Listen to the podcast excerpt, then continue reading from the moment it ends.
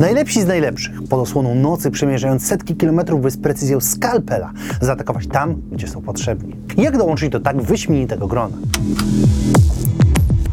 Komandosi to temat dość szeroki, zwłaszcza, że nazwa ta znaczy więcej niż zwykło się uważać. Komandasami można nazywać bardzo dobrze wyszkolone oddziały lekkiej piechoty, a także siły specjalne. W dzisiejszym odcinku skupimy się właśnie na tych drugich. Co jednak ważne, nie są to tylko siły wojskowe, ale też policyjne czy porządkowe. Co ciekawe, pierwszy raz to określenie zostało użyte wobec burskich oddziałów konnych, które wspierały armię brytyjską i brzmiało komando. Sama armia wykorzystała następnie tę nazwę i używała jej wobec każdej jednostki działającej na terenach wroga. Teraz używa tej nazwy wobec SAS. To główna jednostka specjalna Zjednoczonego Królestwa. By do niej dołączyć, trzeba spełnić kilka wymagań. Po pierwsze, być mężczyzną pomiędzy 18 a 32 rokiem życia. Niestety, większość formacji o takim charakterze będzie miało wymóg konkretnej płci. Kolejnym wymogiem jest albo służba w regularnej armii, albo 18-miesięczny staż w rezerwie. To samo w sobie również wymaga pewnych umiejętności, jak chociażby ukończenia 26 tygodni treningu.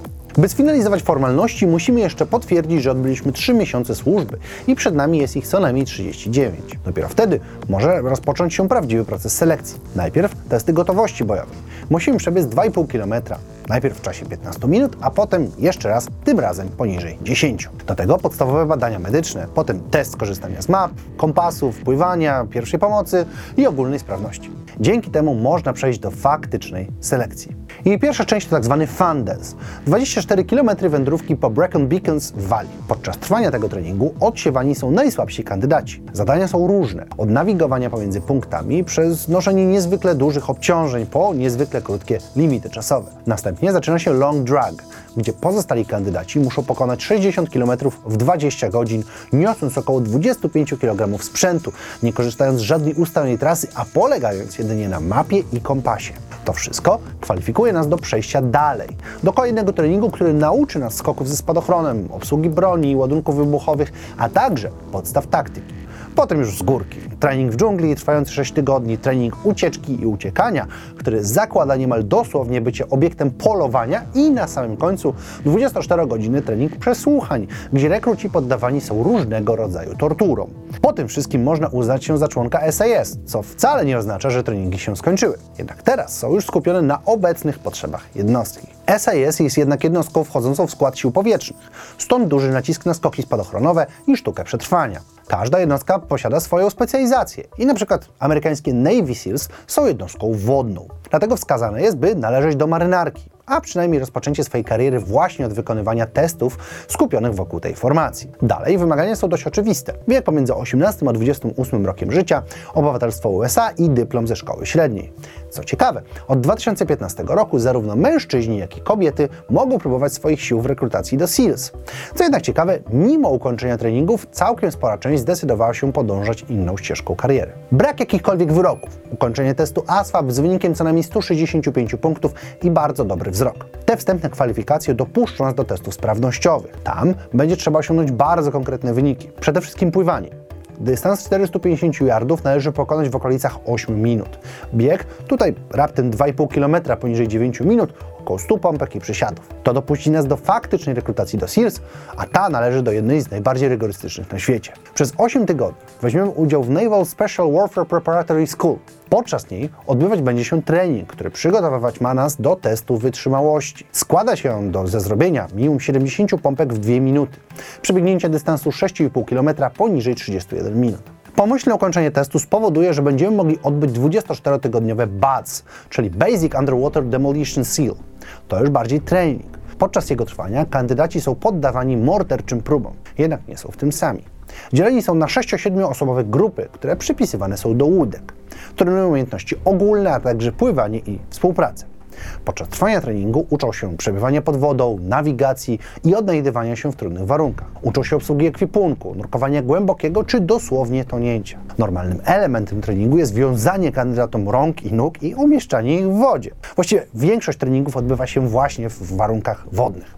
Szczególnie często opisywany jest Hell Week, czyli najbardziej obciążający element treningu, w którym rekruci muszą przebiec około 320 km, ćwicząc ponad 20 godzin dziennie, a wszystko to z ilością snu nie przekraczającą 4 godzin dziennie. Warunki są tak ciężkie, że na początku 2022 roku jeden z rekrutów zmarł podczas treningu, prawdopodobnie na skutek wymęczenia. Niestety powodu śmierci nie podano.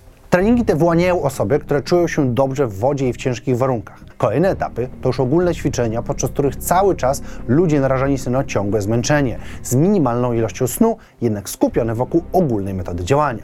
Wtedy uczą się strzelania, działania w grupach, używania mapy, skoków ze spadochronem, walki wręcz i innych umiejętności. Cały czas jednak pracują nad umiejętnościami pływania, bo są jednostką wodną, przystosowaną do ataków z wody bądź działań głęboko pod jej powierzchnią.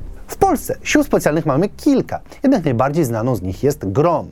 By do niej dołączyć, należy spełnić podstawowe wymagania, jakimi są polskie obywatelstwo, niekaralność, przejście postępowania sprawdzającego, zdolność do służby w jednostkach desantowo-szturmowych i znajomość języka obcego. Do tego wykształcenie minimum średnie i wiek do 30 lat. To pozwala nam przejść do testów sprawnościowych. Tam musimy wykazać chociażby, że przepłyniemy 200 metrów poniżej 4 minut, przebiegniemy 3 km poniżej 12 minut, wejdziemy na 6-metrową linę w 10 sekund, czy wykonamy 18 podciągnięć na drążku. Wszystkich możliwych testów jest 13, jednak na egzaminie odbywa się 8 z nich. Następnie przed nami będzie test psychologiczny. A po nim pojawia się osławiona selekcja. To dość skomplikowany psychofizyczny sprawdzian, który odbywa się w ciężkich warunkach. Mowa tu na przykład o wysokich górach tak jak wcześniej opisywany proces rekrutacji, jest on dość ciężki. Odbywał się nawet program telewizyjny o tej samej nazwie, który pokazywał mniej więcej czego można się spodziewać. A jest to całkiem spory wachlarz umiejętności. Niewielka ilość snu, samodzielne przeżycie w warunkach leśnych, zapamiętywanie długich i skomplikowanych ciągów cyfr przy jednoczesnym wysiłku fizycznym. Selekcja wymaga biegania, długich marszy, leżenia bez ruchu i pływania. Wszystko to w przeciągu nawet kilku godzin. Od kandydatów oczekuje się wytrzymałości i bystrego umysłu, bo może okazać się, że cyfry, które zapamiętać mieliśmy podczas pierwszego dnia, są częścią koordynatów w kolejnym. Selekcja znana jest z bardzo skutecznego odsiewu rekrutów, a sam Grom poleca nie składanie papierów, jeśli nie jest się pewnym swoich umiejętności. Głównie dlatego, że do selekcji podejść można tylko dwa razy. Treningi do innych jednostek tego typu są bardzo podobne. Wiele zadań stworzonych na potrzeby rekrutacji komandosów jest stworzona w ten sposób, by testować człowieka w ekstremalnych warunkach. Bardzo długie treningi, pozostawienie ludzi samych sobie, czy kompletne wytrącanie ich z naturalnego środowiska to stały element. Dzięki temu łatwo można odsiać osoby, które w warunkach bojowych mogłyby okazać się niepewne. Do tego, w zależności od charakteru jednostki, testy oparte będą o inne wymagania. Tak jak SAS wymaga umiejętności spadochroniarskich i przetrwania, SEAL spływania i nurkowania, tak na przykład Delta Force dużo uwagi skupia na działaniach za liniami wroga i rozpracowywaniu komórek terrorystycznych, a chińskie śnieżne lamparty skupiają się na działaniu w wysokich górach czy działaniach antyterrorystycznych. Jednak nie tylko wojsko ma siły specjalne. Austriacka Eko Cobra jest częścią sił policyjnych i specjalizuje się w zwalczaniu terroryzmu czy odbijaniu zakładników. Każda z jednostek na świecie posiada coś, czym może się szczycić i wyróżniać. Jednak elementem wspólnym jest to, że wymagają niemal perfekcyjnego przygotowania. Sprawność fizyczna i odporność psychiczna połączona ze sprawnym umysłem i zestawem bardzo specyficznych umiejętności, a do tego zdolność współpracy i odpowiedzialności za grupę. Dużo treningów skupionych jest na tym, by każdy rekrut miał ze sobą dokładnie takie samo przygotowanie, by mogli oni czuć więź z tego powodu. Dzięki temu działają sprawniej, wiedzą, że mogą na sobie polegać, bo wbrew ogólnemu przeświadczeniu komandosi to nie samodzielne jednostki. Oczywiście są bardzo dobrze wyćwiczeni w różnych sytuacjach, nawet w pojedynkę, potrafią sobie poradzić, ale to w działaniu w grupie jest ich siła. Można być nawet najszybszym, najsilniejszym i najinteligentniejszym kandydatem, ale bez umiejętności współpracy po prostu nam podziękują niezależnie od jednostki. Ale czemu do nich dołączyć? No, niektórzy robią to z poczucia sprawdzenia się, pokazania sobie, że potrafią. Dla wielu to też przykład patriotyzmu, ochrony ojczyzny na najwyższym poziomie. No i jest też jakiś motyw finansowy. Mediana zarobków w SEALS to 350 tysięcy złotych rocznie, z niektórymi oficerami i operatorami zarabiającymi nawet i milion. W SAS zarabia się na początku około 140 tysięcy rocznie, dwa razy więcej niż w innych jednostkach, z szansami nawet na 440 tysięcy w przyszłości. W Gromie podoficer na samym wstępie otrzyma 7 tysięcy brutto miesięcznie, czyli 84 tysiące rocznie. No i dzisiaj to tyle. Zapraszam do sprawdzenia innych odcinków na kanale, a także mam nadzieję, że widzimy się w każdy piątek. Trzymajcie się ciepło. Cześć!